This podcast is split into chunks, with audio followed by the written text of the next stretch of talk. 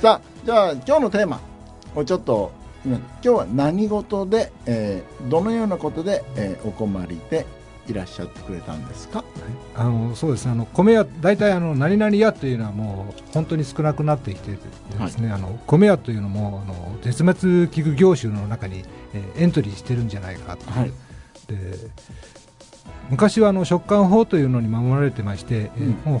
100%えーお米屋さんからお米を買うという状況になってたんですけども、はい。最近ではもう、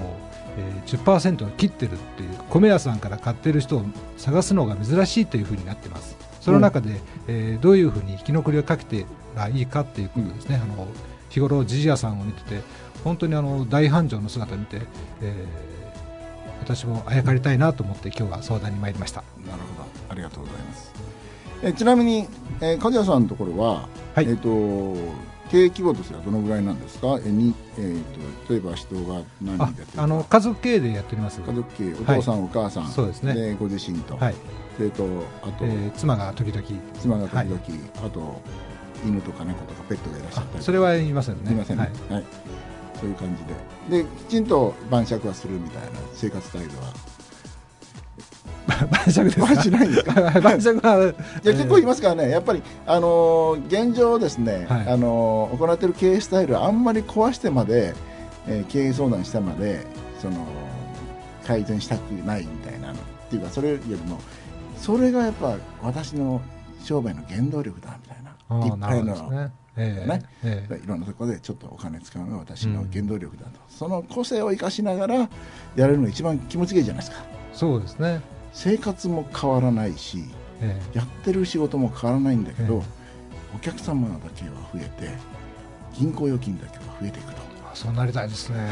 そんなのがいいですよね。ねえそう言ったらもう本当嬉しいですよね。うんそういう個性をですね、はいやっぱり生かしながらっていうのが私のある面テーマだったりしてるんですね。で今日ですねあのリスナーの方々一体どのような展開でいくのかというふうに思われるかもしれませんが経営相談って基本的にどのような展開なのか分かりませんそうですね。分かりませんただ私がですねいろんな、えーマーケティングの、えー方向性を決めるための質問をいたしますはい。いろんな質問をいたしますのでリスナーの方々はあ秋田家はこんな質問してるっていうところに気をつけて聞いてもらえるといいなとそうするとですね答えはすでに自分の中にあるとよく言われます。はい。ほとんどの商売人の方はですねご商売されている方は一番経験もあって日々そのお客さんと接していてですねすでに答えを持っていることが多いんですね。ところがそれがうまくまとまらないとかそれから一つの方向に決められないとかいう話がよくあります。だから戦略というのはやるべきこととやらないことを決めて逆にやらないことを決めてその残ったやるべきことをですねやっていけばいいんですね。ほとんど答え持ってますから、そうでそこのやるべきことに優先順位をつけるってことですよね、ただどうしても現場に入っていますとそのやるべきことの、えーバリエーション引き出しが少ないっていうことがあります。ですからそこにコンサルタントとかあるいは今日お二人いらっしゃってますけどもいろんな観点から好きなこうアイデアを出していただいてそれを膨らましていくとあそんなこともあったねって気づきが特にグループダイナミクス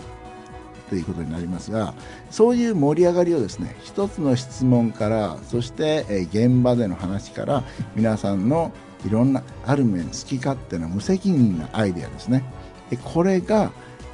入り混じって生まれてくるポンとこれをですね生まれる感触をぜひリスナーの方々1時間という長丁場でございますが感じていただければと思っている次第でございます。